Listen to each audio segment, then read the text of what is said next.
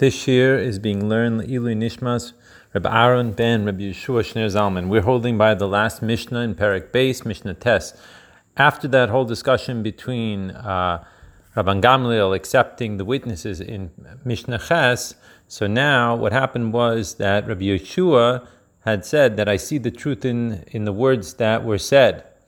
There was a, a fear that there would be a division amongst the Jewish people. So therefore, Rabban Gamliel, who was a Nasi, wanted to make sure that that didn't happen. So therefore, Rabban Gamliel told Rabbi Yeshua that he should specifically and publicly submit to what the court had decided. So Shalach lo Rabban Gamliel, Rabban Gamliel sent a message to Rabbi Yeshua, Goizrani alecha shetavo etzli b'makelcha u'ma'osecha b'yom ha'kippurim shechal dios b'cheshboincha that I decree that you should come with your walking stick and your money or your wallet uh, on Yom Kippur. That way it came out according to your uh, calculations.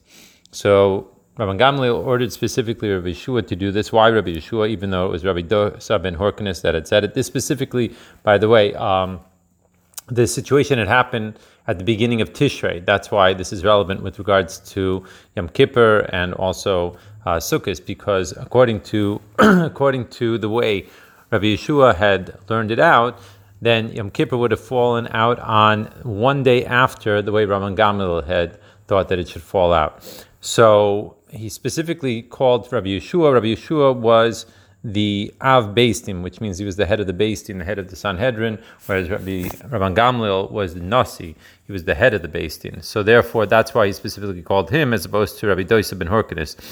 Um, and by bringing his walking stick and his wallet, that would show that he is listening to Rabban Gamliel's decision.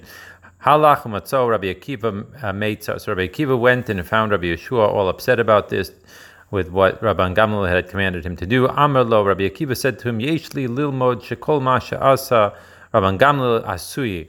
That a person could learn from Torah that whatever Rabban Gamliel did was appropriate. Shenemar elamoy de Hashem mikra kodesh. Because the pasuk says these are the holidays of Hashem, mikra Kodesh, which we will that you shall declare. Asher Tikru Osam, which you will uh, declare. It's probably the best way to describe that.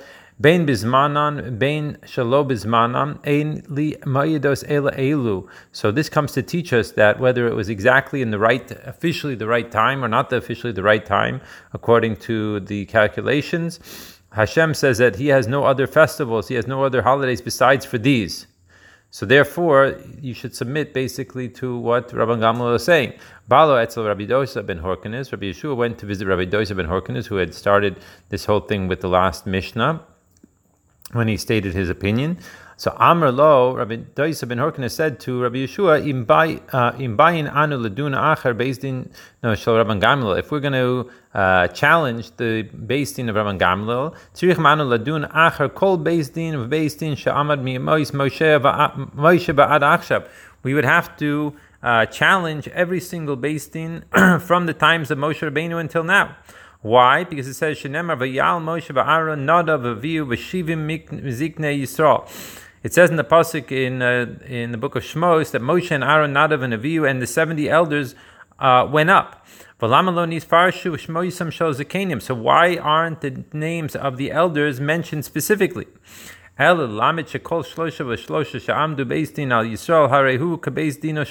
is coming to teach us that every three people that get together to be judges uh, that was appointed, so to speak, as a beis din over the Yidden is like the court of Moshe Rabbeinu. That's why the 70 elders' names was not were not specifically mentioned.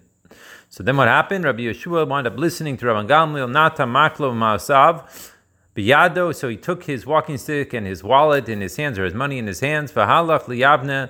He went to Yavna, which is where the Din was at that time. That's where the Sanhedrin was. Etzlo Rabban Gamliel biyom shachal yom kippurim liyos becheshboino according to the day that Yom Kippur should have fallen according to his calculation. So that would have been like on the 11th of the month according to the uh, calculations of Rabban Gamliel. Amad Rabban Gamliel nishako al roisho. Rabban Gamliel stood up and he kissed him on his head. Amar lo boi b'shalom Rabbi v'salmidi. He says, "Come in peace, my teacher and my student."